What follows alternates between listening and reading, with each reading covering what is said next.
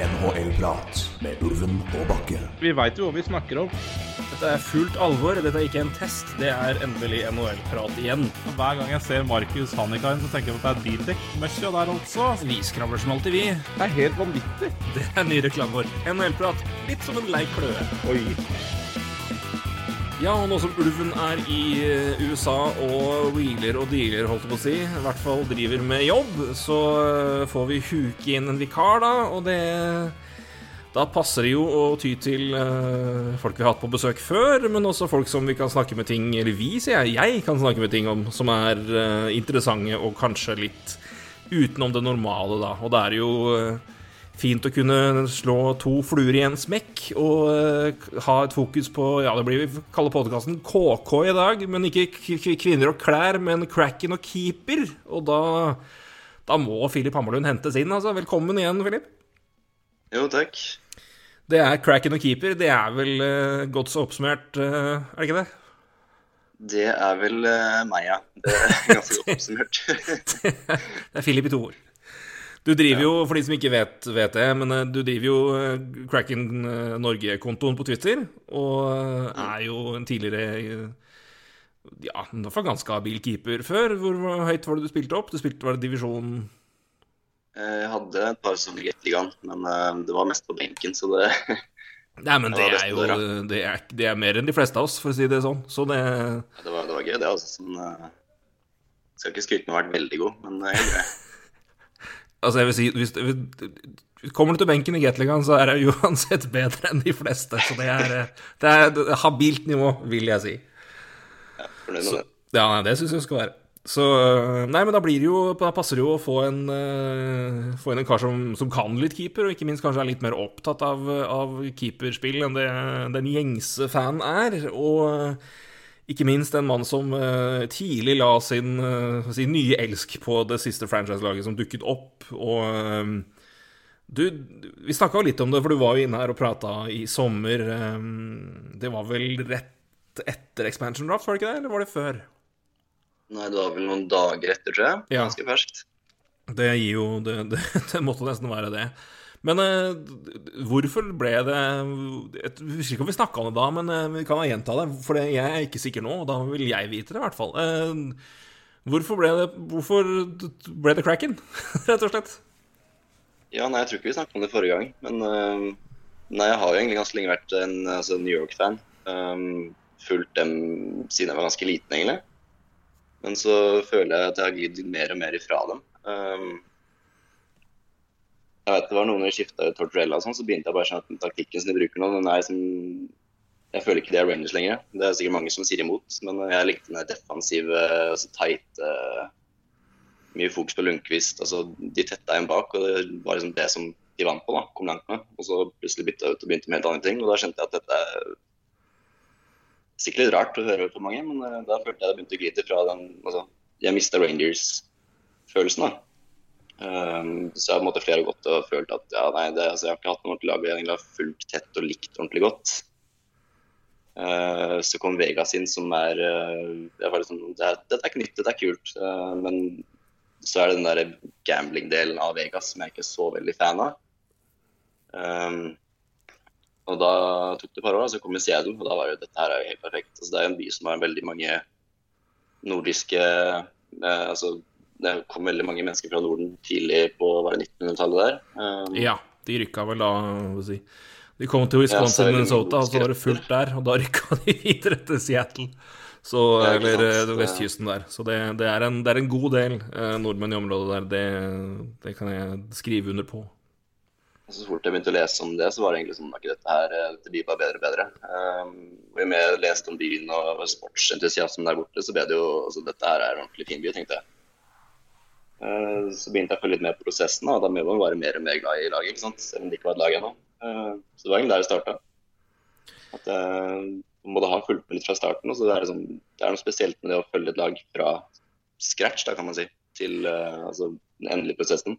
Ja, nei, det er jo noe få av oss er forunt, for å si det mildt. Det Det, det har jo vært eh, mer av det nå de siste åra med tanke på NHL. Det var jo en periode hvor det var masse av det. Hvis du ser fra 90-tallet til 2000-tallet, så det var det en del eh, som fikk sine lag da, men, eh, det har jo, men igjen, mange som kom i etterkant. Så det Forskjellen nå er vel det at det er såpass mye fokus, eller den tilgangen til nyheter og rundt NHL er såpass uh, tilgjengelig at man får føle den prosessen betydelig mer enn f.eks. på 90-tallet, da Centres og Ducks kom inn, eksempel, så, eller eksempelvis. Så, men, uh, men som du sier, Seattle-prosessen har vært veldig interessant. Uh, og med ganske mye det har vært tatt en del grep eh, fra og kjente navn involvert eh, lenge. Både fra store produsenter som eh, sto på hver var altså produsent på annenhver 90-tallsfilm, omtrent. Jerry, Jerry Bruckheimer er vel inne der. Og, og flere andre ting. Og, ja, så det, er, det, har vært et spennende lag å følge inn. Eh, både før det begynte, men også nå som det har begynt. Vi får jo snakke litt mer om det mm. nå. Vi snakka jo om, om, laget da det kom inn. Eh, og hvis vi kan begynne med Når man så på stallen og det man eh, Og det kanskje Seattle ikke gjorde, som vel kanskje mange forventa eh, De holdt seg ganske rolig etter at de tok sine valg og tok sine signeringer. Det var ikke veldig mye trades, men man satt jo med en stall, og en del hadde vel en del inntrykk av på en måte hva styrken og svakheten var der. Hva, hvilket lag forventa du deg når du så den stallen og, og og sesongen skulle starte her, hva var det hvilket lag var det du venta skulle måte ta Komme på NHL-isen fra Seattle? Ja, nei, forventa altså ut fra altså laget på arket, så er det jo et ganske defensivt sterkt lag. Store spillere. Uh, forwardsen har mange tredjerekke, kanskje andrerekkespillere som er, altså, de spiller fysisk og, og forwardsjekker bra. Uh, så jeg forventer en sånn tøff, egentlig slite ut motstanderhockey. Uh, lite mål, kanskje. Det har egentlig blitt det stikk motsatte. Ja, for det er akkurat det jeg skulle sånn- til å påpeke. Så det, det, er litt sånn nesten overraska over som, altså, hvordan det har blitt, da. Men uh, det er jo en forklaring på det òg. Ja, og der kan jo du være med å gi Vi får jo gi status nå. Altså, Etter 15 kamper så er, er det fire seire, ti tap og ett OT-tap. Det er ni poeng, og det er en uh, winning percentage på 300. Uh, det er 42 mål for på 15 kamper, og det er 55 imot, minus 13. Um, eh, borte har det vært spesielt tungt, da med 1-6-1, og så er de 3-4 på hjemmebane. Mm. Uh, hvis vi ser litt på et par andre stats og det som jeg har bladd opp her, for å gi litt av hvem som har vært ålreite. De fikk jo inn en god del. Jordan Ebley har vært bra med. Åtte mål på 15 kamper og 12 poeng. Eh, Jaden Schwartz og Alexander Wendberg har 11 poeng hver. De er vel, eh, de er vel topprekka, har det ikke vært det for det meste? Eh, jo, det har vært de tre som er eh, i hvert fall etablert seg nå, da, som den første mm. rekke. Eh, vi trodde kanskje Gorge skulle komme inn der, men det, det, har han ikke gjort. Nei, og han, han De fant vel tonen såpass tidlig at det, det valgte vel Hackstall da å ikke gjøre. Uh, ja, men Gård har kommet inn og har jo da Han ble også tatt ut. Så, så det, har vært litt sånn fram og tilbake, men det virker som hun har funnet det som en rekke som fungerer greit. da. Det er de som står på mesteparten av poengene, som du sier. Så det Ja, virkelig. Jeg jeg det igjen. Uh, så du får noe. Men uh, igjen, Jared McCann har ni poeng på ti kamper. Brandon Tanner har åtte poeng og seks mål på 15 kamper. Johnny han var jo også ute med skulderskade, men kom tilbake ganske tidlig. Sju poeng på elleve kamper. Giordano har jo sju poeng på 15 kamper som Beck der. Uh, så det er jo flere av de, altså, av de man kanskje håpa skulle bidra på topp, så er det jo De har jo sånn sett ja, i hvert fall levert OK. Uh, som du sa, altså 42 Nesten tre mål i snitt per kamp. Det var vel mer enn det kanskje mange ville tro. Mm, jeg forventa å ligge rundt der, altså to-tre altså, De fleste lag skårer mer enn det, men med tanke på altså, laget, så ville jeg regne til år rundt tre, så det er jo egentlig forventa. Men eh, så var det Forsvaret og bakover for, deg.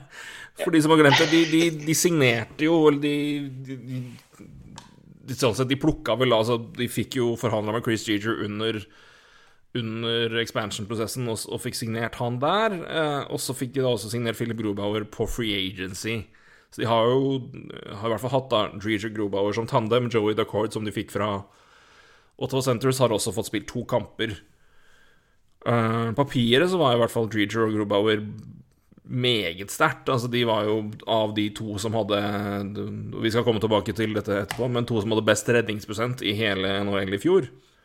Um, Grubauer hadde jo, var vel Wesson av favoritt Det er ikke favoritt, men finalist. Hvis ikke så var han tett på. Ja, Men, ikke, eh, han var høyt oppe, i hvert fall.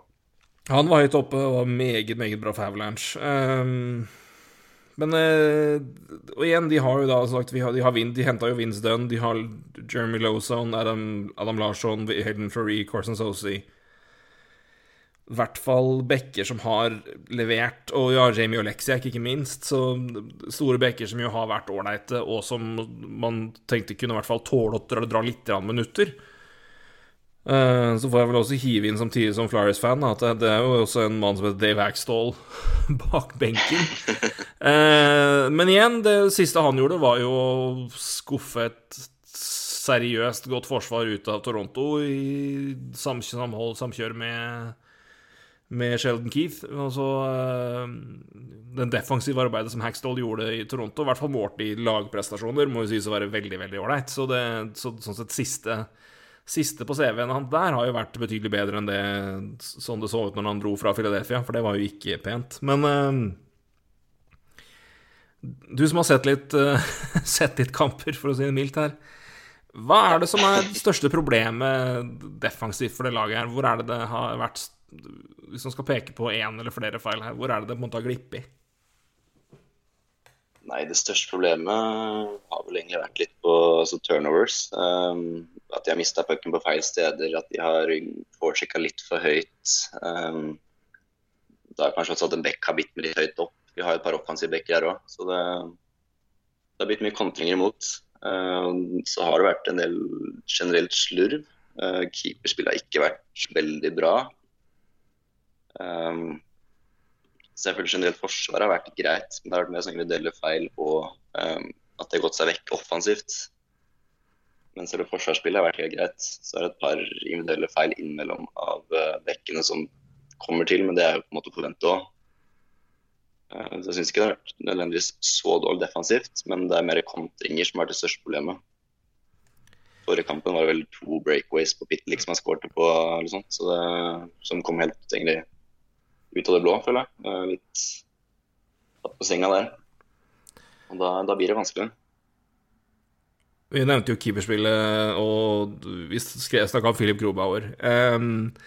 Det blir jo litt keepersnakk, og vi skal gå litt mer i det- detalj på ting og se på eh, hvordan eh, den nå er litt mer nøyaktige tall der ute, som kanskje representerer bedre eh, keeperes prestasjoner som, en, en, som en isolert spiller på et lag, kontra at man kun ser goals against og redningsprosent. Um, jeg skal forklare, Vi kan forklare det her litt nærmere etter hvert, så det er de som eventuelt må være litt forvirra nå vi skal, jeg, skal, Jeg skal gå i detalj på dette etterpå. Men uh, det er jo noe som heter goal save above expected. Mm. Som er en ny og veldig mye brukt stat, som helst vil si uh, Ut ifra statistikken som eh, vises på Jeg kan ta det så kjapt nå at det- Ut ifra sjansene gjennom kampen og prosentandelen det gis for de La oss si at du har 30 skudd, og hvert av de skuddene gis en prosentmulighet for å bli mål, ut ifra hvor på banen det er, øh, om det er et farlig område eller lavt farlig område, er det mye forsvarsspillere rundt deg, er det noen køller i veien, Eh, kommer det fra en pasning hvor keeper må bevege seg? Altså, alle de faktorene her går inn og bestemmer på en måte hvor mye Hvor høy prosentandel eh, man anser at det er mulighet for å score, da. Eksempel hvis man ser at det er en 20% mulighet for at det skuddet der blir mål, så gis den 0,2. Eh, Da får, da får den den betegnelsen der. Og så teller man da opp og opp det i løpet av kampen, og hvis man f.eks. da får eh, Ja, totalen var 3,3, og keeperen slapp inn 4, så da var, det, er det min, da var han minus 0,7 den kampen her. Han slapp inn 0,7 mål mer enn det han burde gjort, ifølge de tallene. Kjapt forklart, men vi skal, kan, skal gå litt mer Vi skal Mye ta mer av dette. Det er mye, mye, mye tall her, men vi skal ta det mer etterpå. Men grunnen til at jeg sier det her, er ehm, Etter, tolv, etter uh, har spilt eh, tolv kamper I den perioden har han sluppet inn 36 mål.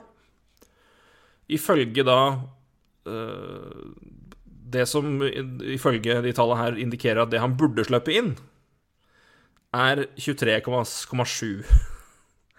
Så han har altså da sluppet inn Eller han har minus 12,3, som er.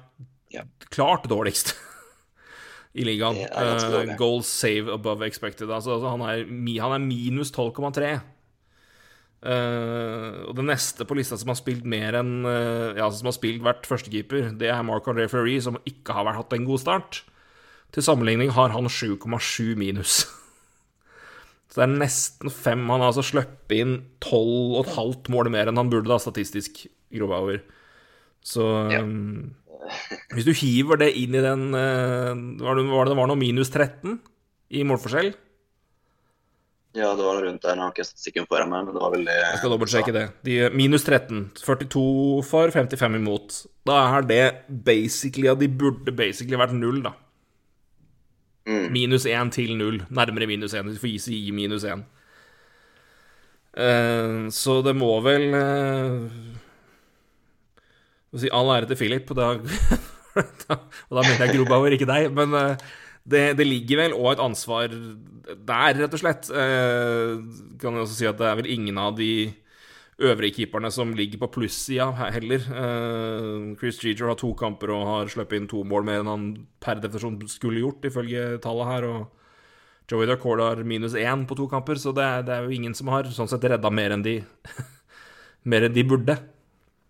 Nei, nå er de to sistnevnte er jo litt unnskyldt, for de har jo altså Dryger har vært skada lenge og spilt én full kamp pluss uh, er en periode, tror jeg. Um, så han har ikke fått så god sjanse å vise seg frem.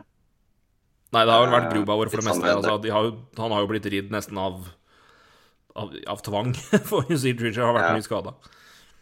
Og Dacord har jo spilt, uh, spilt mot New Jersey, tror jeg. Da hadde han 90 uh, Neste kamp han spilte, var mot da, Edmonton. Og det er jo Ja, har litt verre enn uh, møte altså Arizona, da, for eksempel.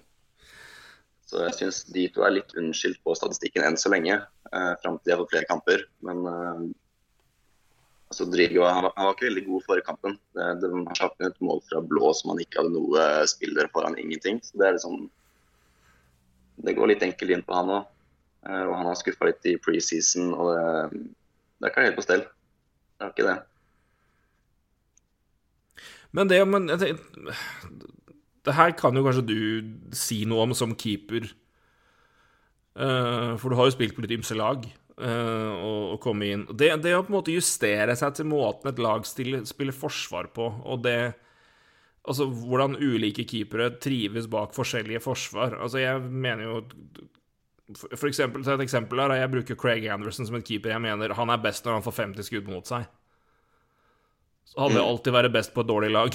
For han, han er så instinktiv keeper. Mens, mens noen keepere er Altså, du, du, du kan si det, det er sikkert mange keepere som det, det, det vil alltid være en evig debatt på liksom hvor mye tjente Mart Hammer og dør på å stå bak i et lag som slapp til tolv skudd per kamp.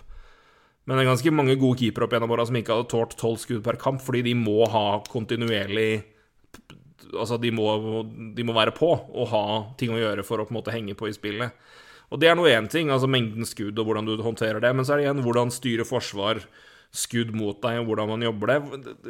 Og, for å tilpasse deg som keeper, hvor, hvor, hvordan har det vært for din del, for å spørre deg? Nei, altså du merker jo forskjell når du kommer til ditt lag. Altså, du skal bli kjent med bekkene, hvor, eh, hvor han plasserer seg. Um, altså, det er veldig mye sånn smådetaljer. Da. Det er sånn mye annet i livet at du må tilpasse omgivelsene. på en måte. Um, så altså, Du skal jo på en måte gjøre det samme, du skal jo stoppe pucken altså, til syvende og sist. Men uh, det er jo en klar forskjell uh, fra lag til lag. Det er jeg ikke noen tvil om. Så det at han, uh, at han bruker tid på å komme seg inn, det er jo ganske naturlig. Men um, man, man skal ikke bortforklare målene med det. Det er mye dårlig for det, altså. Men hvordan er det de virker å spille så langt? Altså, hvordan, og det man kan beregne så langt, da, det er klart det er 15 kamper inn her, så det er jo fortsatt tidlig, men hvilket inntrykk har du av, av hvordan er det Hackstall vil det laget her skal spille både offensivt i forsvar, men også defensivt? Altså, er det et Hvilke inntrykk har du av det så langt? Hva er det på en måte som er tak taktikken her? Nei, de spiller ganske tøft, da. Altså det, de foretrekker hardt, som jeg snakka om før, som de også brenner seg mye på. Um, så Det er vel altså, det er den typiske tredjerekkehockeyen. Altså mye inn kropp. Uh, spiller spille motstanderen sliten. Um, Det høres jevnt ut. ja, de har også styrt uh, Jeg sjekka Gameflow på kampene som er spilt, og de har styrt egentlig flesteparten av kampene. Uh, Så altså, favøret skulle vært deres vei, men de har jo funnet å måtte tape på, å på i hver match. Så det, det gjelder jo på en måte å ha den der Altså finne en måte å vinne på istedenfor at finne en måte å tape på. Og der har jo Seattle slitt, da, med de turnovers og mye slurv og mye dårlig keeperspill. Ja, det har vært altså.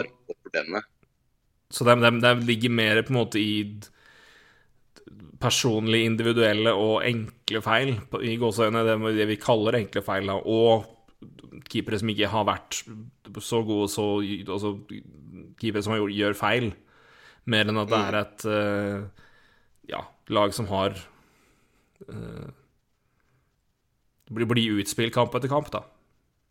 Det gjør det på ingen måte. De, mm. jeg føler de, vinner vel skuddene nesten hver kamp. Um, nå har ikke skuddene alt å si, men uh, det sier noe. Og um, de har vel færre skudd imot, tror jeg, i ligaen.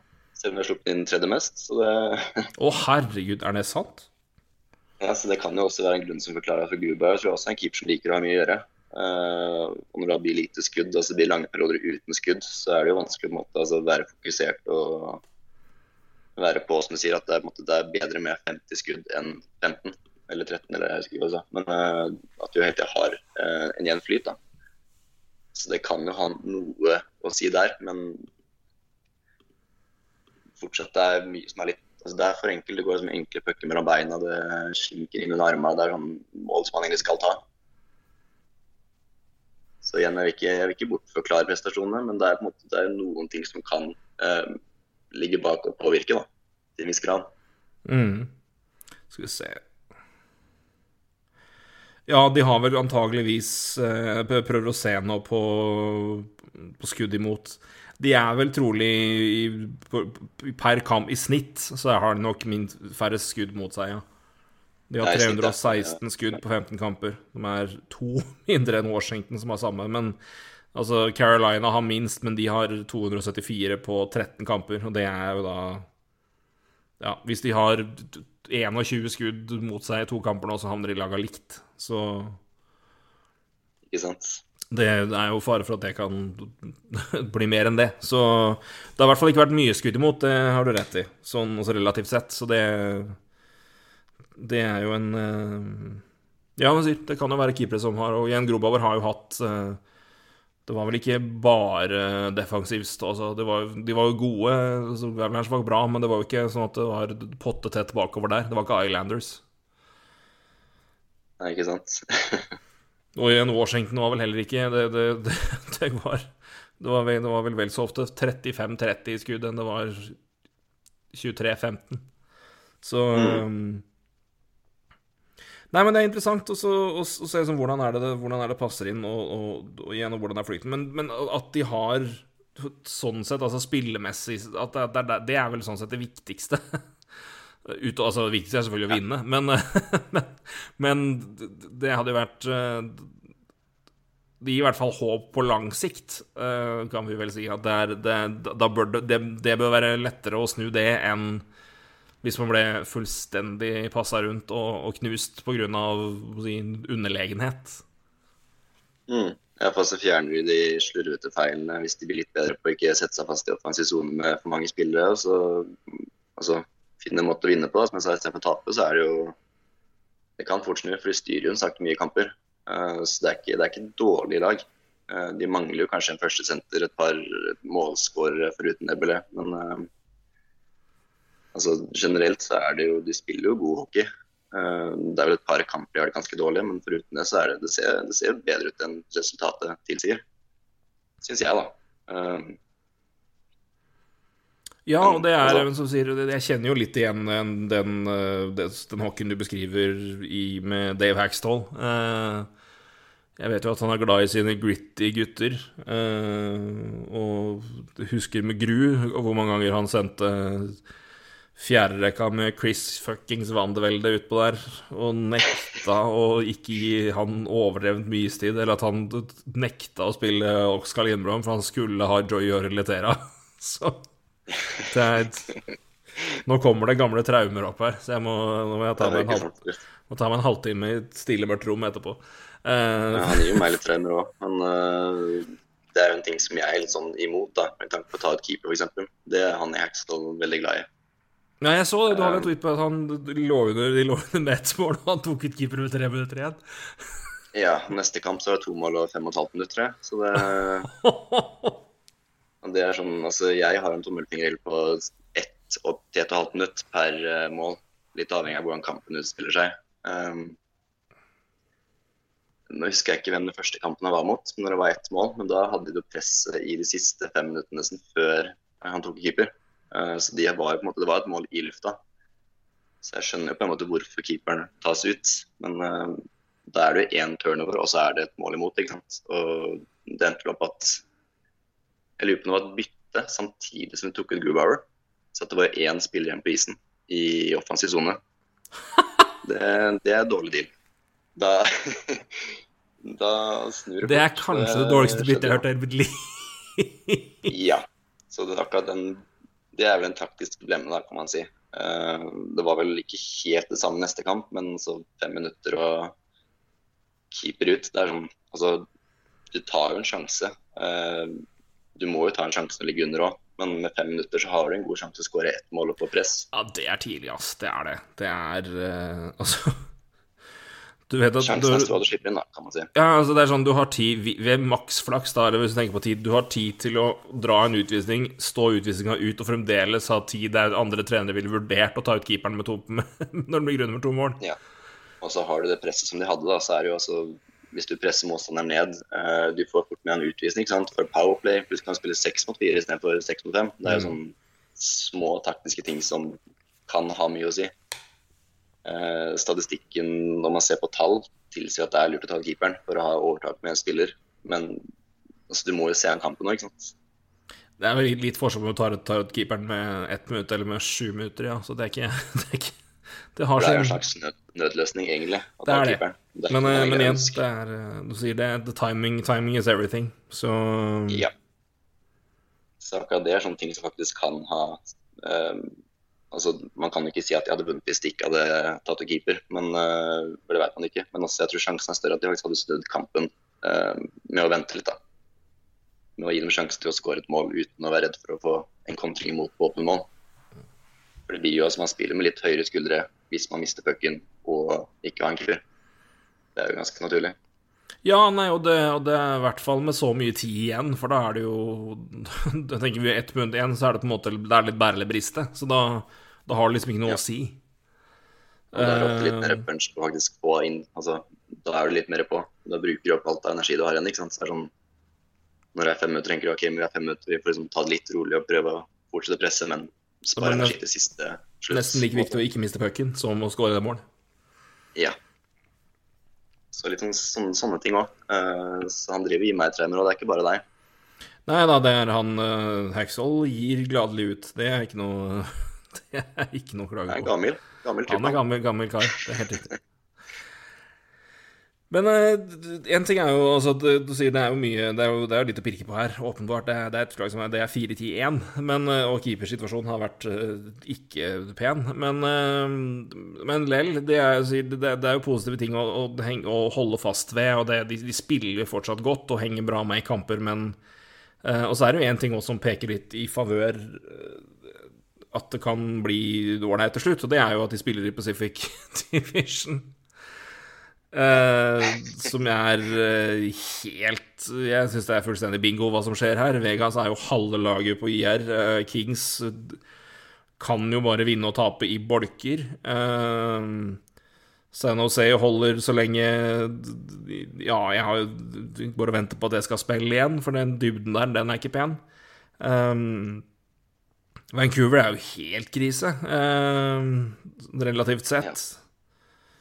De spiller i riktige divisjoner og dårlige, da. Sånn i starten av året, kan man si.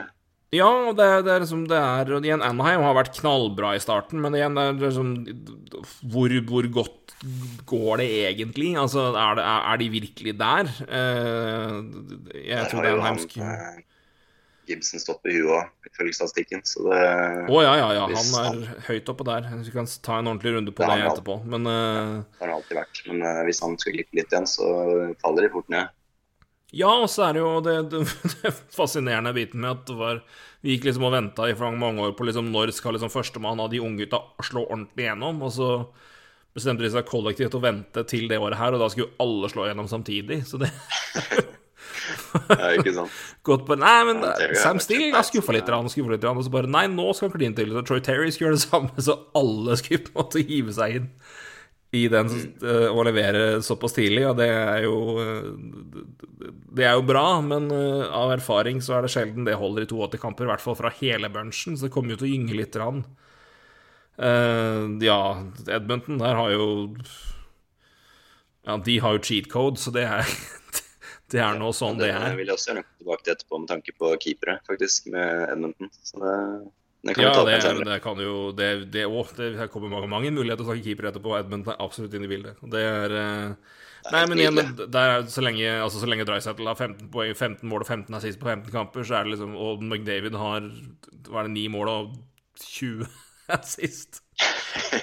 Så, eller mer enn det òg, så er det, det, er bare, det er bare vent, det er bare å holde. Det er ikke Og igjen, når Calgary har begynt bra, Markstrøm har vært veldig, veldig bra. Elendig hjemme, ser jeg, men knallgod borte.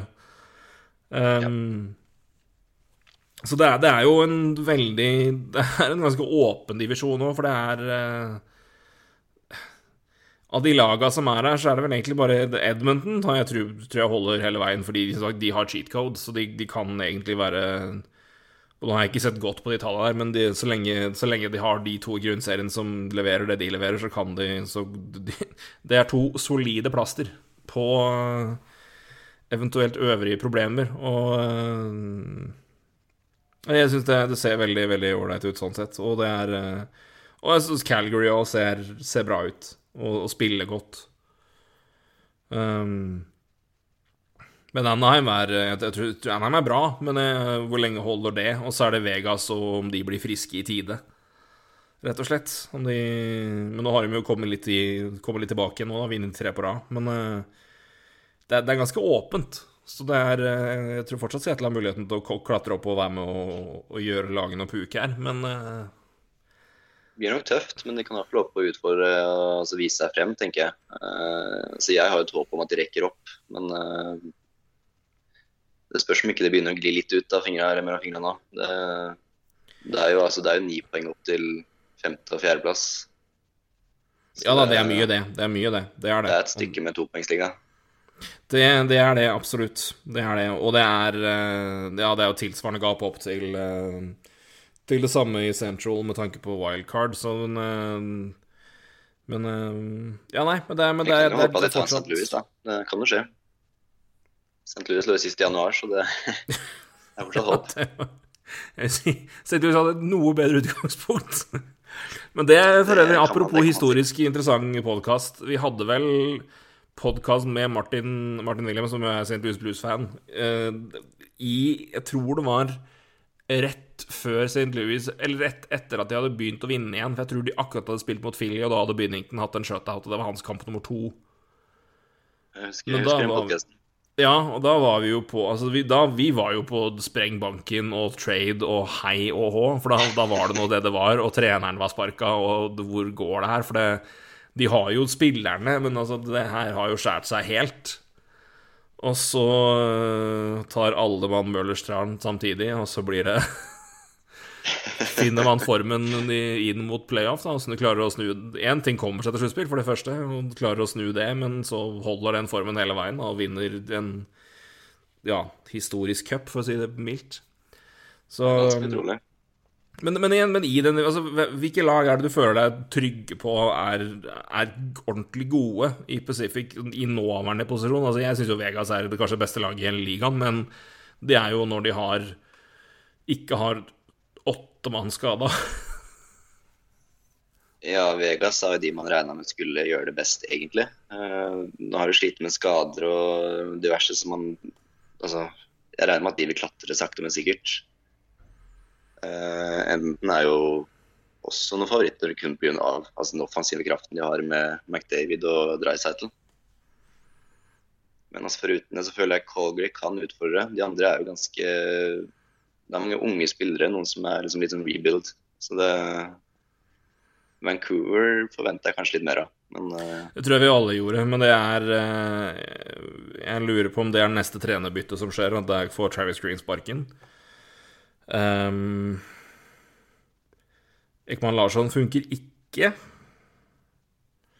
Powerplay er helt ute, og Elias Petterson er ikke tilbake i form. Så det er, det er, det er, det er, det er liksom lugger uh, der. Uh, men de òg slipper jo inn Altså Primært det er mål de slipper inn da, som er problemet. De har scora 41. Ikke at det er eh, Det er ikke dritmye, men det er, er i hvert fall ikke, det er ikke krisedårlig. Det er uh, det er i alle fall på, i midtsjiktet, sånn sett. Men de er jo ikke de er, men, men mål imot er jo ikke bra, i hvert fall. Så det er eh, Nei, men det er sånn Det er i hvert fall den divisjonen jeg tenker at det er i hvert fall mer enn nok spørsmålstegn rundt andre lag til at Seattle, hvis de skulle finne en flyt, da, kan i hvert fall finne på noe ugagn. mm. Det er en veldig åpen divisjon eh, sånn sett. At det er mange usikre lag der. Men det er jo også ganske interessant Vi må finne vi må finne ut av hvem er det som egentlig er eh, altså, rivalen til Seattle. For Det tror jeg egentlig vet. Er det Vancouver eller er det Vegas? Ja, det er et godt poeng. Vancouver er jo nærmeste.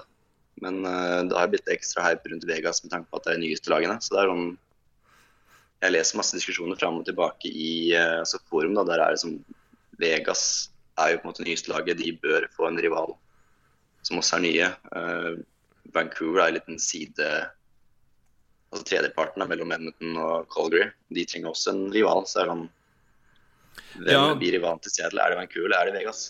Og så er det jo veldig mange i Seattle, Seattle som var hockeyfans, som var, var Vancouver-fans. For det var, Ja. det var såpass Det er jo en Geografisk og i bånn så er jo Vancouver den tetteste byen sånn sett, men uh, Ja, det er vel en time Om det er sånn. Men ja, nei, det er veldig lite. Og det er uh, Vancouver er jo en utrolig flott by òg, så det er uh, et populær by på av mange grunner. Men Men øh, Nei, men det er et godt, godt poeng òg. Men det Så får vi nå se hvordan det går med laget. De har jo fortsatt noen uh, interessante spillere på utgående kontrakter som kan flyttes om det skulle det skulle gå helt åt skogen, men uh, du har jo en Siste jeg hørte, siste jeg hørte i dag, var jo at uh, Calgary kanskje skal prøve å få tilbake Gio. Så gjør det nå. Det hadde jo vært veldig greit å. Få han Det er, dersom det går dårlig for Seattle, så kan det være ganske interessant. altså. Ja, og de har jo all verdens anledning til å ta lønn, og, og, og det er jo en verdien av han tilbake, i hvert fall til Calgary, som jo han kjenner systemet, de kjenner han, han er jo en Altså, det er jo Mm. smooth som bare det. Og igjen muligheten til å ta lønn ut året hvis du kan hente inn en Kalle Jernkrok til én mil, hvis de tar halve lønna hans i, i sluttspill, det, det takker jeg ja til hvis jeg er et øh, contenderlag som trenger en kar på tredjerekka mi. Ikke sant? Det er, han, eh, eh, han spiller bra, han. Ja, han tror jeg du Du vet liksom hva du får, og det er jo som regel bra. Rett og slett i den, i den rolla han kommer til å være. Eller så skal være. Jupp. Ja, du vet på en måte hvor du har han. Uh, han gjør det som er forventa han. Uh, tetter en bra bakgård og kan provosere noe forår. på en måte Spiller litt fysisk. Det er ikke dumt i sluttspillet. en standard Seattle tredjerekkspiller, vil jeg si. Eller Seattle Seattle-spiller, tydeligvis offensivt, sånn det er nå. Nei, men det var, litt, eh, det var litt Seattle. Da har vi liksom fått litt, litt mer oversikt der. I hvert fall jeg har fått det, så det er jo bra. Eh, Men det var den ene delen av K. Da går vi på K del to. Vi var jo innom det litt med Grobauer, men eh, med keeper eh, Jeg spurte deg jo på en måte hva om det var noe spesielt du hadde lyst til å prate om. eh, Spesielt på keepersida, for jeg vet jo at der har du jo litt eh, interesse. Um, og der eh, Ja, li- lite grann. Men der eh, tenkte jeg på det at eh, om keeperstatistikk eh, og det at man henger seg litt mer litt for ofte opp i redningsprosent når man vurderer keepere, og i hvert fall nå når man har mer, mer nøyaktig statistikk å, å, å hente og bruke. Eh, så Det kan jeg egentlig bare overlate ordet til deg her. Vurdering av keepere og, og, og, sånn det gjøres av den uh, gjengse fan og også kanskje uh, pundit, eller, eller, eller, ekspert på, som snakker keepere. er den god nok, eller har vi, har vi en, en, jobb å gjøre her? Ja, nei, det blir litt samme som du snakka om i stad. Den der altså, goals scored Nei, var det starten av goals saved above expected? Uh, det, vi ser jo veldig ofte altså Ola Nordmann vi ser jo bare på prosent kanskje mål imot og tenker oi, han hadde høy prosent, dette her er veldig bra. Eller han hadde dårlig prosent, dette er veldig dårlig. Uh, men så er det så mye mer som ligger bak. Uh, og det er liksom noe man kanskje ikke tenker over, da. At man kan jo si, si at to keepere har 30 skudd hver da, i en kamp. Begge slipper inn to mål. Men den ene har liksom 25 skudd fra blå uten spiller foran kan se pucken. Den andre har kanskje 15 sjanser med altså tic-tac-toe på åpen mål og gjør 12 eh, av 15 redninger. Altså, det har jo veldig mye å si hvordan skuddene kommer, uh, hvor kommer de fra. Um, så det er så mye som ligger bak. Uh, så vi snakker om en prosent. altså High danger, medium og low er jo det som brukes på, eh, på, på chances. Altså, det har jo vi Roy snakker jo ofte om det high danger, high danger scoring chances, og det er noe man sikkert de fleste har sett, enten hørt på podkaster eller dukker opp gjennom ting. Og det er jo Ja, det, det ligger jo i ordet her, men det er jo rett og slett for å, for å understreke forskjell på, på, på, på skåringssjanse på hvert enkelt skudd. Altså, som du sier et åpent skudd fra blå. Uh, så frem til ikke er Shay Weber som dunker løs, så da kanskje det, blir litt null skudd, så kan den gå inn. Men, ja, eh, det men altså, det kan, kanskje det vippes opp liksom 0,05, men det, det, da får du kanskje Du får kanskje 1 på om, om i det hele tatt det. Hvis det kommer en lompe fra blå. Men uh, det er klart, er det en to mot én, og du som spiller får servert pucken på one-timer, og keeperen må flytte seg over til andre sida, da begynner vi å snakke 50% eller mer enn det. Sjanse for mål. Ja. Så Og igjen, det er jo der vi sier at det, det er jo den samla sett, den prosenten, eller det tallet som justeres ned til desimaler, som jo da er det som sitter igjen etter en kamp på uh, expected goals for et lag, og vice versa da expected goals Uh, altså hvor mye, hvor mye, mål som gikk inn, eller hvor mye keeperen har redda, da, sammenligna med det. da. Det er jo det det går på, de bedømmelsene ut ifra uh, hvordan keepere presterer mot det, som sånn sett skal prøve å, å, justere litt den bare flate redningsprosenten. Og det er jo et steg videre fra hvor man tidligere også så på goals against, da, altså per kamp, hvor vi, vi har Fall, vi har i hvert fall lært oss det, at det er en lagstat, som vi har begynt å kalle det. Men vi bruker jo Jeg skal ikke ta på meg noen Jeg bruker også fremdeles altfor mye bare vanlig redningsprosent. Så um, Ja, det er ikke noe galt i det heller. Altså, Nei, men du sier det, det, men det er jo gjør jo ofte ganske bra prosentmessig, og altså Det er jo ikke at det er dårlige keepere selv om de gjør bra. Altså, statistikken lyver ikke, men det ligger mye mer bak enn Det gir kanskje et unyansert bilde. Det, det, er vel det som er. Mm. Hvis du f.eks. Sånn ser på Altså der finner man kanskje de som Altså, de som gjør det godt, vil jo naturlig nok gjøre det godt i den, på, siden, på den vanlige statistikken òg. Men man vil vel kanskje se de keeperne som ikke ligger like høyt, men som spiller veldig godt, men av da forskjellige grunner. At enten Forsvaret er forferdelig, og de har fryktelig mange sjanser mot seg, eh, med høy, høy sjanse for, for mål, eh, som mm. gjør at de de, de slipper inn mer, mer, mål enn de beste keeperne, men ut ifra hvor mye mål de egentlig burde slippe inn, så har de en fantastisk sesong. Ja. Som uh, ja, Det er jo litt derfor mye snakk om uh, John Gibson òg. Han har jo ofte ligget veldig høyt på den statistikken. Altså, han gjør redninger som er vanskelige.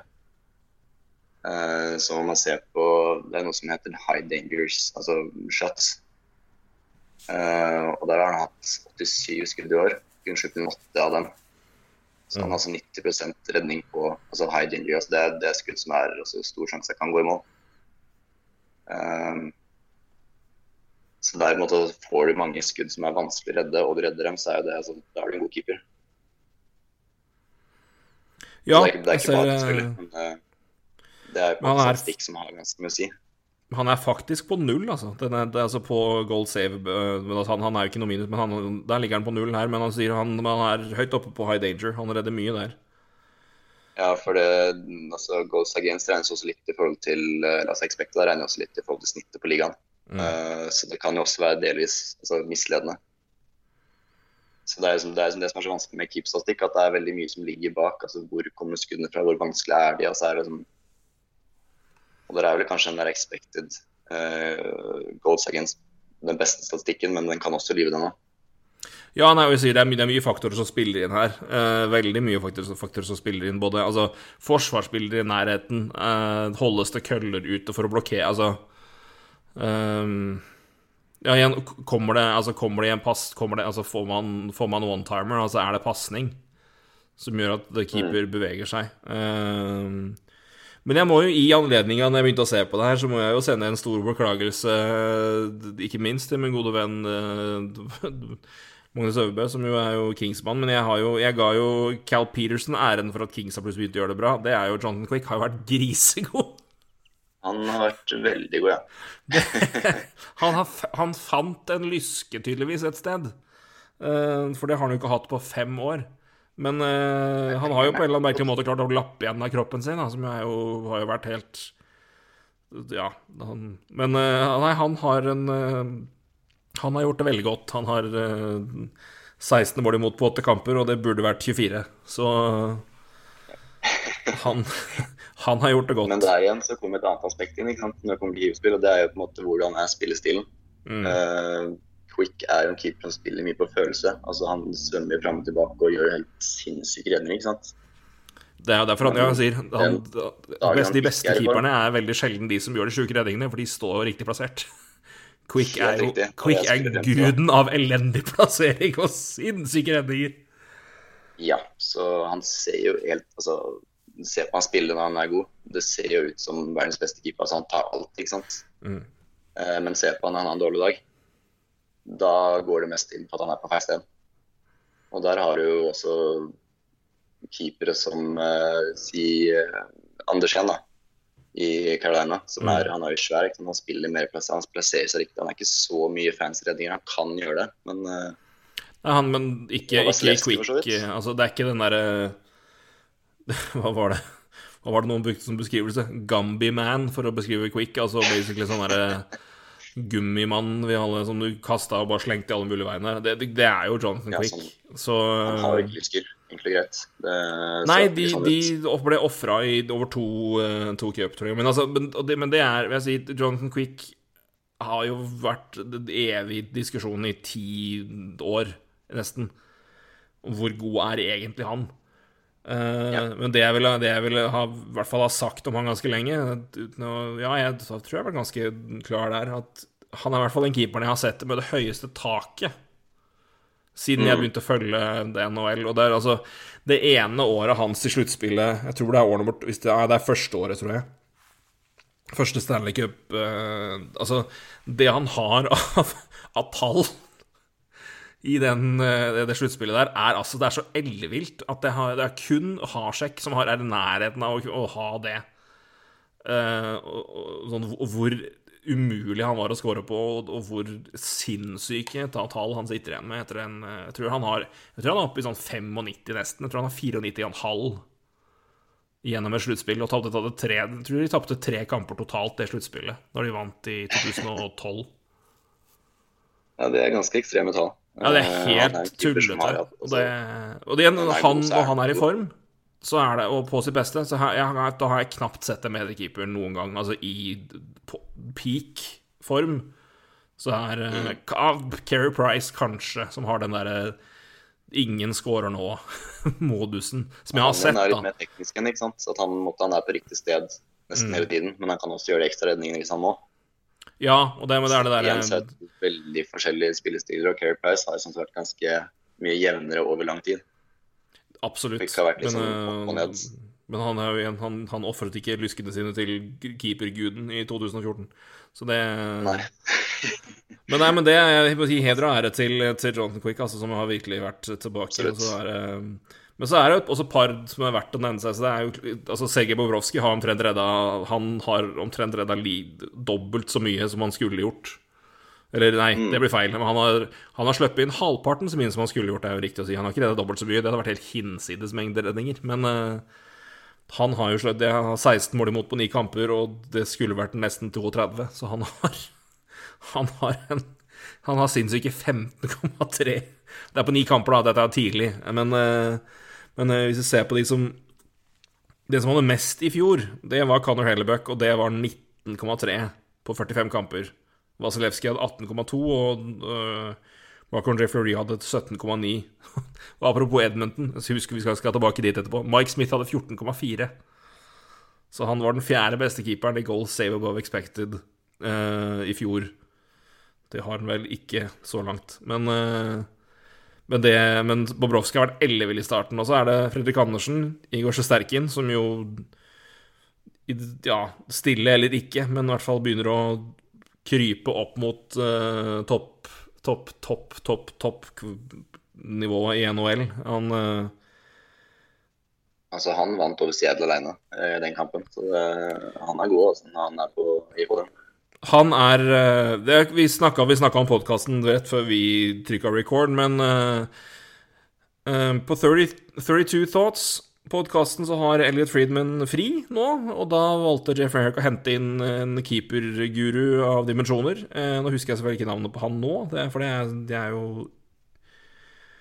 men, men, den heter bare uh, 32 Goldie Thoughts, som er over to deler. Uh, utrolig interessant å høre på, så sjekk den ut. Anbefales veldig. Men der snakker de mye om Igor Sjesterkin og uh, hans ikke minst altså bevegelighet og derfor plasseringsevne, da. Og hvor ekstremt god han er på bevegelighet, og bare nesten sånn revolusjonerende god på bevegelse. Så han er uh, ja, i ferd med å melde seg på i kampen og være helt oppi der i, i beste keeper-diskusjonen, rett og slett. Så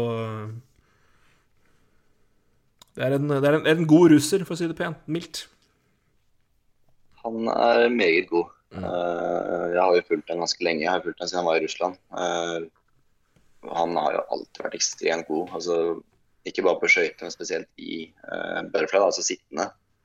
Ja, på, på... mer naturlig bevegelse i sittende stilling enn i stående.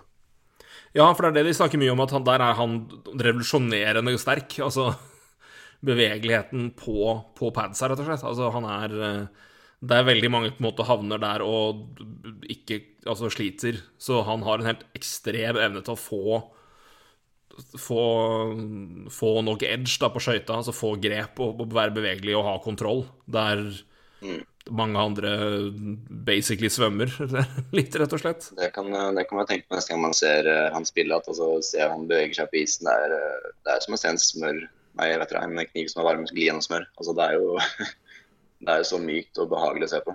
Uh, det er liksom det mest naturlige som finnes for han. det er, altså, som keeper selv, eller sånn, å være glad keeper og se på han spille, er jo det er fryd for øyet. Kan man si mildt det, han, han, er veldig god. Uh, det er en keeper som mange unge burde se etter når det kommer til bevegelse. Ja, nei, han er eh, Og det, og det er sånn som er Der, der er jeg jo helt der, På det nivået der er jeg jo helt blank. Men jeg skal Nå vet jeg hva jeg skal begynne å se etter ved han. Og så Om det er Sjesterkin eller om det er Demko, tror jeg. Demko tror jeg det er. Som jeg skal begynne å merke meg nå, hvordan han står når pucken er bak mål. Hvis jeg ikke husker, det... tror jeg det er han som bare planter én skøyte på Han planter hver skøyte på hver stolpe og bare står der og venter.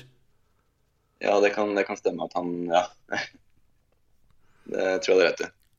Som også er bare veldig, veldig fascinerende å tenke på at det er, at det er på en måte taktikken der. Eh, men det funker jo, da. Eh, tydeligvis. Så sjøl om ikke det har vært all verdens sesong eh, men det, det, er vel ikke Han, har vel ikke hatt all verdens forsvar heller. De hadde sluppet inn sju mål, sju mål og fem mål på tre kamper nå, tror jeg. Like før om de Jeg er usikker på om de har spilt noe etter det, men eh, det har, det har Det rant inn tidlig. Ja. Han har jo Statistikken er ikke veldig god, men han får mye vanskelige skudd imot. da. Han har 116, altså high danger, så det inn 20 av dem. Det Så han er er på 80, nesten 83 på, altså på high danger shots. Men uh, Ja, det er jo ikke bra, noe det, men fantastiske altså tall. Men det er, sånn, det er jo bra til å spille dårlig lag. Hvor mye var det du sa det var? De hadde altså Hvor mange 116 skudd? 116, ja. Og det er en måte i av totalt en måte i 382. Ja. Så det er Det er altså litt under hver tredje, er det ikke det? Jo. rundt 30 da. Må vel det være. For det er, det er, i hvert fall, det er jo betydelig mer enn 25% men det er under 3,33. Så ja, litt rett i underkant av 30, tror jeg. Mm. Ja Det er jo Det er nok. Det kan man si. Det er nok. Det Det er litt sånn, som litt med Vegas, altså lener jeg også mot mye vanskelig skudd imot. Han har vel 124, tror jeg. Ja, Så, Ve- Vegas, så- Vegas har også veldig mye skudd imot totalt sett. De har eh, vel omtrent nesten mest, tror jeg. Uh, de og de og Senators har mest imot. De har, har 406 skudd imot seg Eller de har 406 skudd imot på 15 kamper.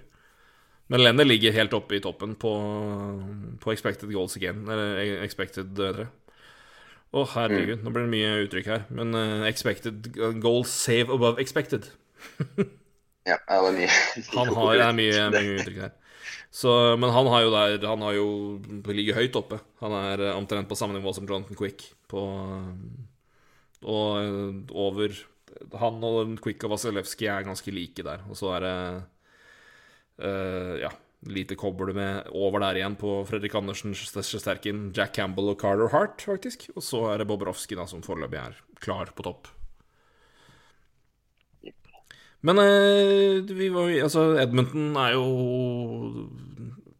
det, det er jo veldig fristende å gå og snakke mye om, om uh, Dreisaitl og McDavid, og det selvfølgelig skal man det, for de er jo kanskje ligaens to beste spillere akkurat nå. Det, ja, nei, de er vel det. Det er ikke så mye å si, i hvert fall når vi snakker om form. Eh, men, eh, men keepersituasjonen og hvordan det ser ut i, i Edmonton nå, hva Ikke optimalt, kan man si. Men uh, altså, har jo gjort det han trenger for å vinne. Men uh... Hvor overraska er du at da det ble Han har plutselig blitt keeperen igjen nå. Men det er jo, men det er jo annethvert år da for Mike Smith, så det er jo Det var vel kanskje å regne med. Men at han plutselig har blitt førstekeeper, det har faktisk gått meg hus forbi. ja. Uh, Mike Smith er vel skada, har vært en stund. Ja, det Eh, stemmer vel kanskje. Han har spilt ti, ti kamper, er vel? Vunnet ni av dem. Ja, Smith spilte tre kamper. Stemmer det. Ja, så det er litt altså Om man ser lagmessig, så har han vunnet like mye som eh, altså mange av de andre i toppen. Men når man ser prosenten, så er han ganske mye lavere. Han ligger på 91,5 tror jeg, i, i alle styrker. kan si. 5 mot 5 powerplay, boxplay, alt. eh, Og 2,74 mål imot per kamp. Så det er altså nesten tre per kamp. Så han slipper inn ganske mye mer da, enn f.eks. Andersen. Han ligger på 1,70 eller noe.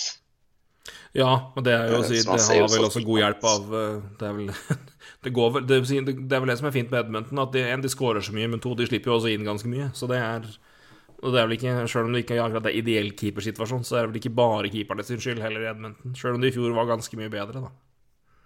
Ja, men når man ser på Mike Smith, så har han litt bedre tall igjen eh, på de kampene han har spilt. Men eh, som han også Så Edmonton er et lag som baserer seg mye på at de er veldig offensivt. For de slipper til ganske mye mål bakover òg.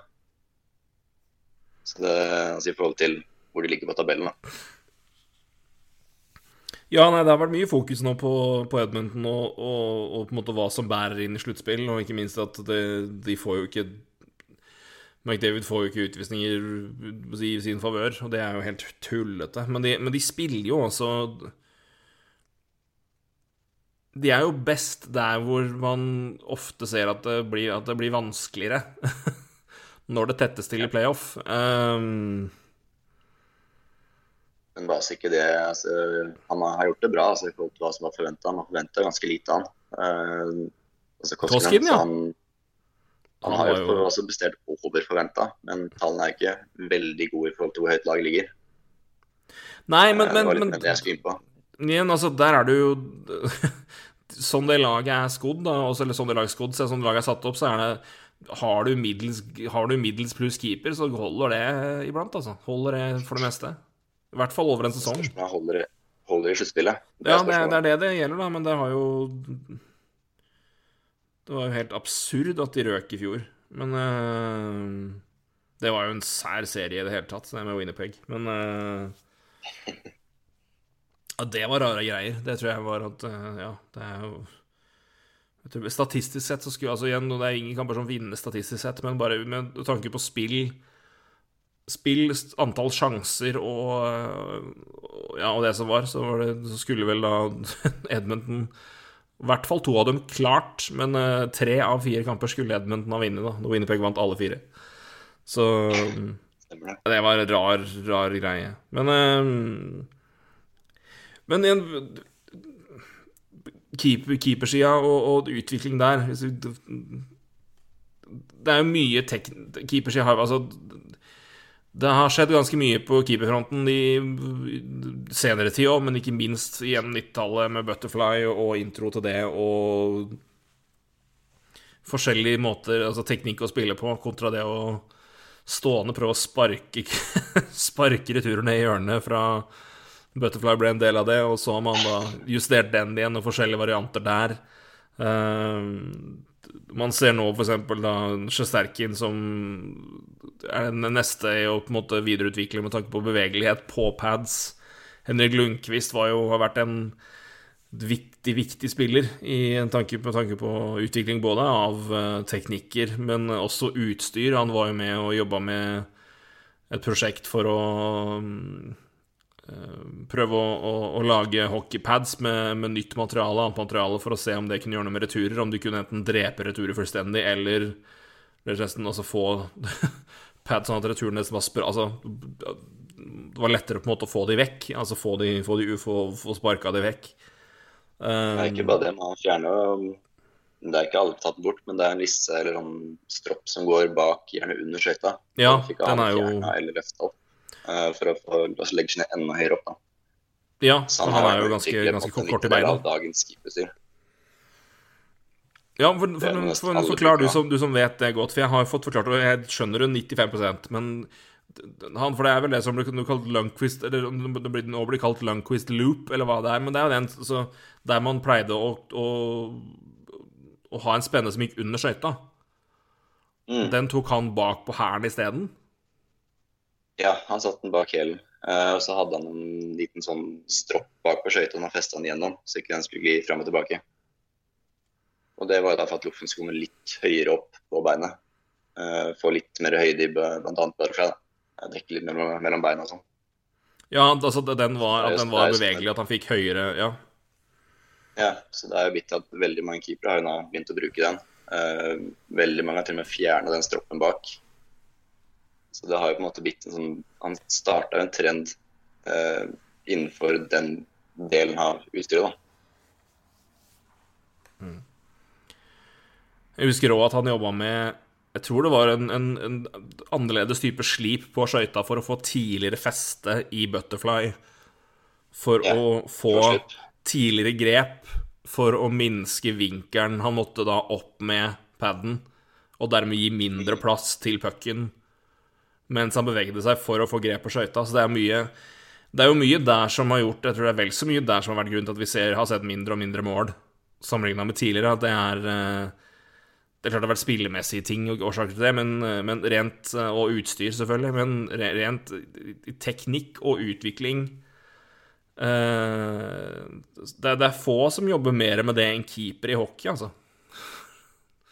Ja, det er eh, Hvis man setter seg inn i hverdagen hverdag til en profesjonell hockeykeeper, så det er ganske mer video og terping på vinkler og diverse ting enn man skulle tro. Det er ikke bare å gå ut og trene. Det, Nei, det er også diskusjonen om at trening er- ekstra. Ja, for det er også blitt at trening på en måte er egentlig ikke bra.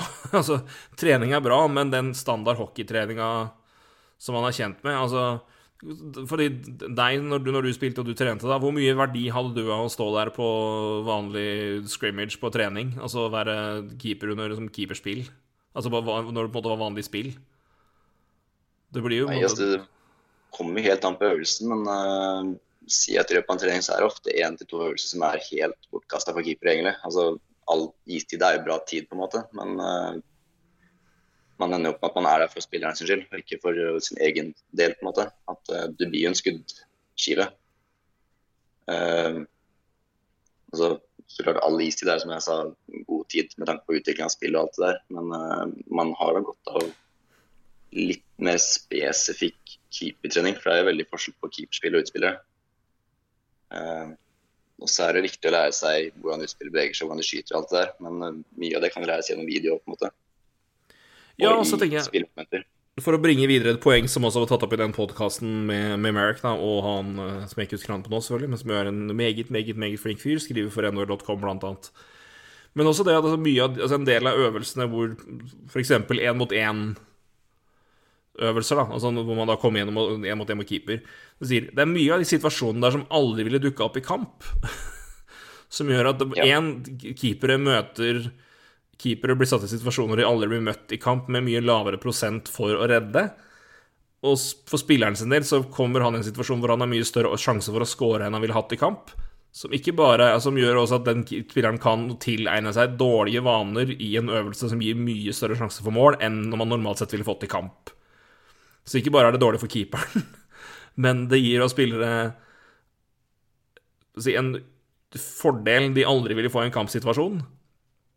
Som kan føre til at de får dårlige vaner. Påvirke. påvirke. hvordan de gjør det i en kampsituasjon hvor de ikke vil ha samme, samme mulighet. Altså, det er det er mye det, Dette er jo det Altså her det gjelder å følge med. For det altså analyse og statistikk og, og, og, vurderinger av tidligere øvelser og hvordan man på en måte alltid har gjort det. Så det kan jo forandre seg. Og de som er revolusjonerende ideer nå, det kan bli utdatert om fem år. Så det er jo det er, det, er, det er ikke så lett å henge med, men det er ganske spennende. Altså, det er jo det er en grunn til at det har vært så mye fokus på å uh, redusere keeperstyret og sånne ting. Det er for keeperne blir jo bare bedre og bedre. Uh, og det er jo for at de finner jo smarte måter å gjøre ting på. Uh, vi snakka litt nå før vi begynte å spille inn om du hadde lært deg nye uttrykk om RVH og typ sånne ting. Altså, det er jo På norsk er det, sier vi SMS, altså skøyter mot stolpe. Og det handler om å gå ned med det kneet som er nærmest stolpen, skal ned i isen. Mens det borteste er litt mer opp. Så da dekker du, altså, du dekker is på nærmeste stolpen, da, istedenfor å stå med beina rett opp. Og det, ja, det er sånne ting som har liksom stoppa mye wraparounds og altså, raske innspill og altså, sånne små ting. Da, det kommer hele tiden, ikke sant? som gjør keeperne smartere, raskere, bedre. Um, det nyeste nå var vel uh, at de jobber med som VR-dealer, tror jeg. Ja. At de kan, altså, de kan få kampstasjoner inn i VR-drillene. De kan stoppe stasjonen, de kan snu og se fra pucken sitt perspektiv. Så at de måtte, at, hvordan er jeg i min eh, boks, da, som de kaller det. Hvor mye dekker jeg av målet nå? Eh, så de kan gå inn og analysere på måte, hvis pucken er kommet så langt ned.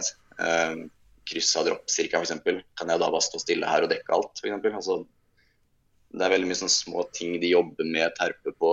Eh, som, altså, keeperne blir jo bare smartere og smartere. Uh, du husker ikke om det var den podkasten der eller noen annen der nevnte at altså, den eneste måten egentlig for spillerne å altså, det, det, er ikke keeperne som vi skal begynne å redusere mer, men spillerne må lære seg hvordan skårer man mål. Ja, og ikke minst hvordan, hvordan, keepere jobber for å lese skudd. Altså, det er også en ting vi snakka om vi så vidt på podkasten, at det er jo ikke sånn det er noen keepere altså De fleste selvfølgelig agerer jo på å lese skuddet, lese pucken fra køllebladet. Men det er jo andre keepere som bruker helt andre teknikker. Altså Craig Anderson jo, har jo lært seg å se på kroppsspråket.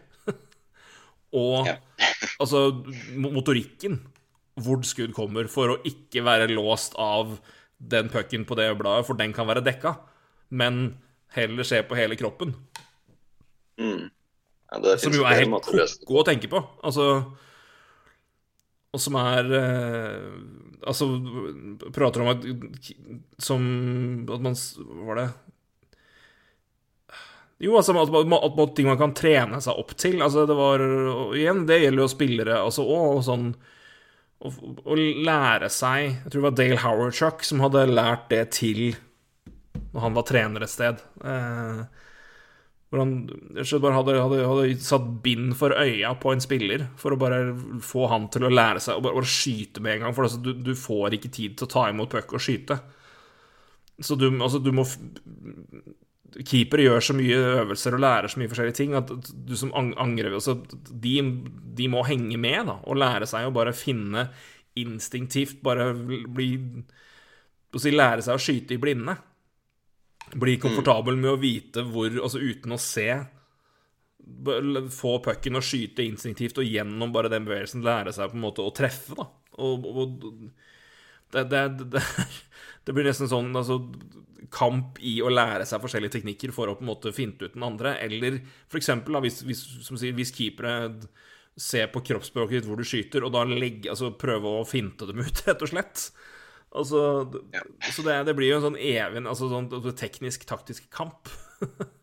For det er, mm. det er, mye mer enn bare skudd og leseskudd. Det er uh, Man jobber der Det er en del som jobber på et, uh, et helt ellevilt detaljert nivå. Uh, ja, det blir jo bare altså keeper, uh, trener og sånne ting. Altså, vi begynner å få en rekke veldig gode keepertrenere i Norge òg. Uh, altså, det kommer bare flere og flere. Sverige jobber veldig spesifikt med keepertrening. Um, jeg tror Canada eller USA altså, de lånte inn svenske trenere for å få input. Um, altså, for det har, Før har jobba veldig individuelt som land, um, mens nå har det begynt å spre seg med at vi samarbeider mer. da. Og man ser jo kanskje litt på spillestilen til keeperne at måte, den blir mer og mer lik. Før så var det veldig forskjell på f.eks. svenske og finske keepere. At finskene var jo veldig gode med å jobbe med hanskene, men svenskene var mer sånn, de beveget seg veldig fint i butterfly f.eks. Altså, så man ser at spillet blir jo mer og mer likt også. Uh, og det er jo faktisk det er så mange trenere som samarbeider og med hvordan kan vi bli bedre. Og selv om det er en lagsport, så er jo keeperen en veldig individuell del av sporten. Ja, og det, man var jo inne på det, altså på en måte hvor har på en måte trendene kommet fra? Da var det vel at man, det begynte jo da altså, Hvis vi kan si at hvis vi begynner med intro, introen til Butterfly, så er vi da, da er vi i Quebec med Patrick Roa og, og Brodør og, det, det, altså, og den, den, det kullet der. Eh, og som det så går til Finland, tror jeg, og så Russland, og så er vi da i Sverige nå, som på en måte er den nåværende landet hvor det har vært mye innovasjon, da. Både fra, mm. både fra keepere sjøl, men også fra trenere og, og andre personer. Altså, vi snakka jo da om, om, om VH og RVH, eller vertical horizontal, eller reverse vertical horizontal. Altså, RVH. Altså, ja, RVH. Som er, uh, som er uh, posisjonering ved stanga og hvilket bein du holder. Hvilket, hvilket av beina er ved isen, og effekten av det. Og RVH er vel faktisk kvinnelig svensk keepertrener som er på å si hjernen bak. Og den første, første, keeperen som kom til NHL med det, det var Anders Nilsson, som fikk beskjed i NHL at det kan du aldri gjøre i NHL, for det kommer aldri til å funke. og så gikk det noen år, og nå gjør alle det. Men, uh, ja. men, Sverige, men Sverige har også en veldig målretta de arbeider veldig målretta med det. Altså, de har jo igjen gjennom både gjennom klubbstrukturen at du, du, har trenere som kan ta for seg og komme med råd til, fra til både elite, men også ned til, til, til barn. Fordi det er en og samme klubb, men også at man, man sammen i si, kretser, men også egentlig bare i, ja, i land, altså trenere samler seg og lærer av hverandre for å å trene keepere, rett og slett. Så det er et keeperkollektiv eller keepersamarbeid på et, eh, på et veldig, veldig bredt, bredt nivå, da. Mm. Som jo bare er, bra. det er derfor bra. stadig utvikler seg og blir bedre og bedre. For de finner jo alltid, altså, de får input fra overalt, så de finner jo smarte løsninger på uh, så hvordan løser vi den situasjonen det er best. Uh, så hvis man setter flere smarte ord sammen, så vil man jo komme med flere smarte løsninger. på en måte, altså, det er sånn uh, altså det samarbeidet som har blitt, da, det skaper jo bare en ekstra progresjon på framgangen. Det, nå blander jeg ord, men uh, altså, Sånn er det når man skravler en time hockey. Det går litt i surreblatt. Dette er en del av gigen. Altså, ut, utviklingen fortsetter bare å stige. Da. Altså, det går raskere og raskere. Uh, for at det er mer samarbeid enn det har vært. Uh, man har flere verktøy man kan bruke for å bli bedre. Det er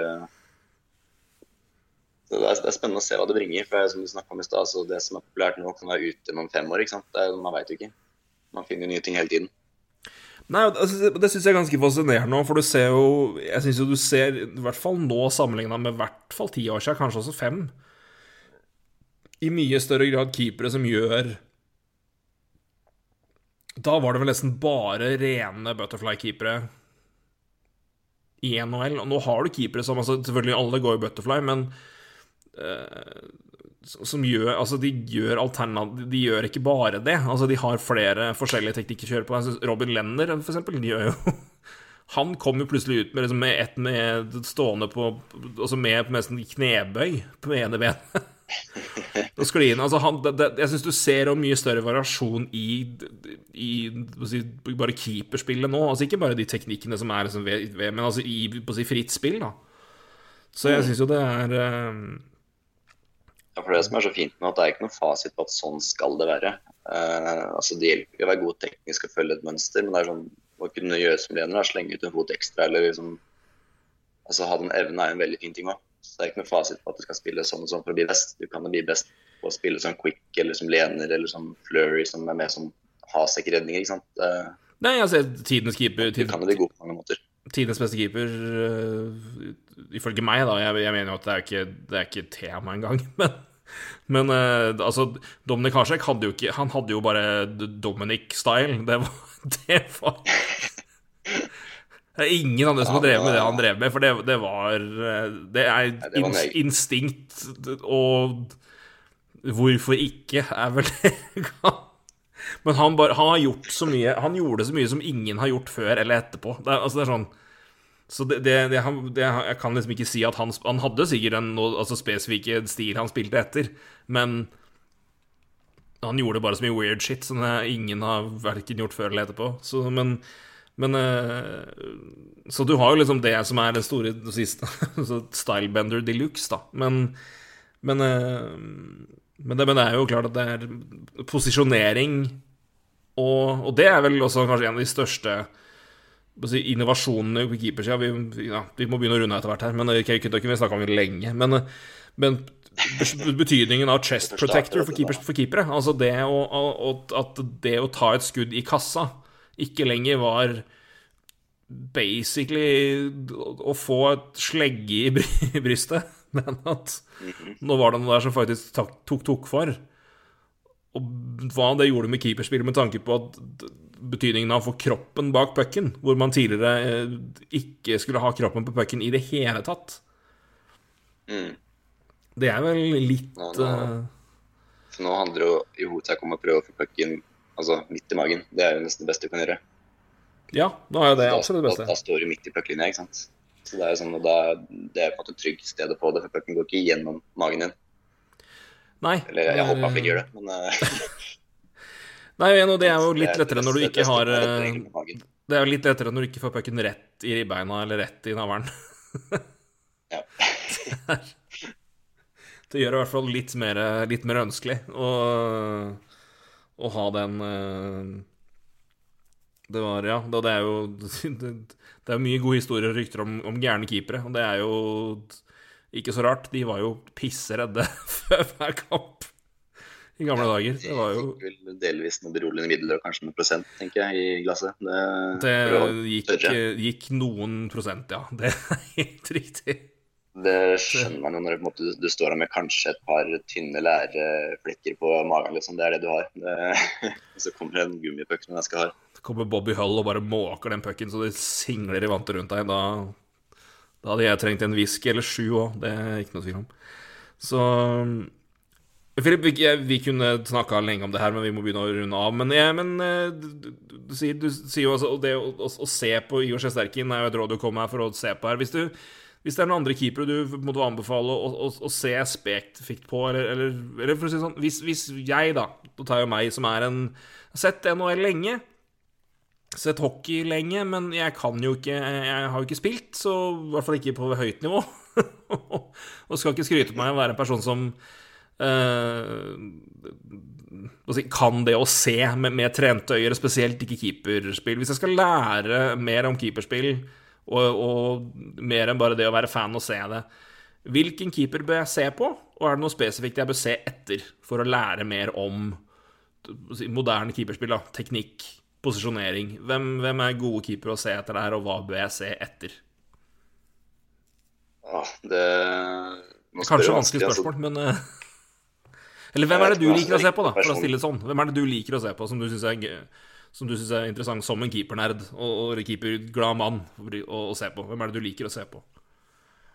Uh, jeg er jo veldig glad i uh, Kjersterken, som vi har vært inne på. Um, men jeg har også en liten sånn outsider-favoritt som jeg syns er veldig spennende, som heter Gustavsson, han i Ottawa. Um, 23 år. Jeg syns han har gjort det veldig bra til å komme inn ung og i et dårlig lag. For han er veldig teknisk, altså, han plasserer seg veldig godt. Uh, Oppfostra gjennom Luleå sitt hockeysystem, litt samme som han Valstedt, som er uh, på vei opp nå. Uh, de er veldig teknisk gode. Men det er ikke altså, Jeg vet ikke om man kan anbefale én keeper å se på. Det gjelder jo på en måte å se på flere og Mm. ta, altså se hva, hva gjør han som virker bra, kan jeg teste ut. Altså, du må jo teste hva som funker for deg, på en måte. Eh, altså Hvis du er keeper selv, selvfølgelig. Hvis du bare ser på, det er jo altså, Det er så mange stiler og måter å gjøre ting på. Um, så jeg veit ikke om det egentlig er noen fasit på det. Det er mer å se altså, Istedenfor å følge pucken når jeg spiller, kan du se hvordan keeperen beveger seg, f.eks. Altså, for de beveger seg ofte i et mønster eller så langt ut fra mål, så langt inn i mål. Sitter eh, på knærne der. eh, Stående, flytter seg stående, flytter seg sittende. Det er, vel, altså, det er mange aspekter i spillet. da. Men eh, så jeg vet ikke om noen spesifikk keeper. Altså, alle i NHL er jo veldig gode. Og så er det jo ulike måter å løse ting på. Men rent teknisk er Kjersterken, Gustavsson, eh, Valstedt om noen år. Det er sånne keepere som er veldig teknisk gode Mm. og veldig interessante å se på. Ja, men det er jo bare igjen, dropp pucken og følge litt med på keeper. Det skal i hvert fall jeg prøve å huske på. Jeg skal se kamper framover nå for å få litt, eh, litt mer bilde av, eh, av bare hvordan en keeper bare jobber med, med, med bevegelse under, eh, under angrep, eller altså mens pucken er i offensiv sone, for det er jo et eh, Det snakkes kanskje ikke så mye om det, men det er jo en essensiell, kanskje den viktigste delen av hockey nå. For Ja. keeperspill. keeperspill. Ja, så når eksempel hvis eh, kameraet går bak mål i powerplay, sånn, så er det jo helt perfekt å kunne sitte og følge med, for da er jo keeperrinkelen altså, rett bak keeperen. Da kan du se hvor altså, Man tenker at keeperen står jo bare der, han går litt opp og ned. Men altså, de er veldig aktive, selv om det kanskje ikke ser sånn ut. Det er veldig mye små eh, bevegelser opp og ned, fram og tilbake med føtter. Det er mye mer arbeid enn man tror, da. Da det er eh, De får eh, Det er mye arbeid, så får de som regel eh, kjeft når pucken går inn, og mindre heder enn de kanskje burde når de gjør godt òg. Men Nei, men det er, en, det er en fascinerende aspekt, og det er, men det er vanskelig å bli klok på. Men det er i hvert fall gøy å prøve å bli litt klokere på det. Så Nei, men jeg skal i hvert fall begynne å følge med sterkere litt nærmere, og jeg skal også eh, ikke det er ikke 100% men 99. Jeg mener du husker at det er Demko som har den litt spesielle, unike teknikken ved å og basically sette en skøyte på hver stolpe når pucken er bak mål. Så følg med der òg, for det er eh, også ganske nytt. Men ellers så, la, la øya bli på keeper, og se hvordan keeper jobber for å bli, eh, bli litt klokere på, eh, på keeperspill og, og hvordan de forskjellige keeperne jobber da, i NHL. Det er jo eh, noe jeg i hvert fall er gira på å lære mer om, for det merker jeg at det kan jeg altfor lite om. Jeg skal jo Så kan jo se på Quick, da, med de lyskene, holdt jeg på å si. De Ja, det er jo tilstedeværende like, det er et annet spørsmål. Det blir jo som å se på eh, stup halvparten av tida, men, eh, det, men Nei, Jonathan, jeg, Jonathan Quick er fantastisk når han er fantastisk. Jeg bare, det, han har bare så mye sinnssyke redninger fordi han er ute og farter. Men jeg gleder meg at han har dugende bein og lysker igjen, for det, det, det var borte noen perioder. Men det, det er godt å se at han i hvert fall er tilbake i form, og det er eh, det, Så får vi se hvor lenge det holder, men eh, såpass kritisk skal jeg fortsatt være. Men Med rett. med rett. Takk for det. Jeg støtter meg til at jeg har, har din enighet der. Det får være Det var ikke meninga å avslutte på å ta dumpe på quick, men det får nå bare være. Ja, nei, da. Han har vært veldig god. I dag, ros, så gir vi oss der. Filip, hjertelig takk for at du kunne steppe inn og, og ta ulvens sete for en podkast. Ja, det er store sko å fylle det. Takk for at jeg fikk tilliten. Det er veldig hyggelig. Og så er det jo snakk om Kraken og keeper, og da blir det jo mye, mye prat fra min side. Det er jo Ja, det, det. er, det er som bestilt fra Roy. Han skal fly hjem og trenger noe å høre på, så han eh, bestilte tre-fire timer. Det, så det blir vel i overkant, men uh, vi er nesten halvveis til tre, så det får uh, Holde, Det får- på til hvis du vil. Det, det jeg, jeg skal på jobb i morgen tidlig, klokka nærmer seg elleve, så det får bli Ja. Det får duge. Men igjen, hjertelig takk eh, for at du var med, Filip. Og eh, til dere andre så er vi eh, Ulven tilbake igjen neste uke. Det er vel da forhåpentligvis jeg også. Jeg har ikke noen planer om å gjøre noe annet. Men uh, vi sier takk for nå. Ha det bra, Filip. ha det godt.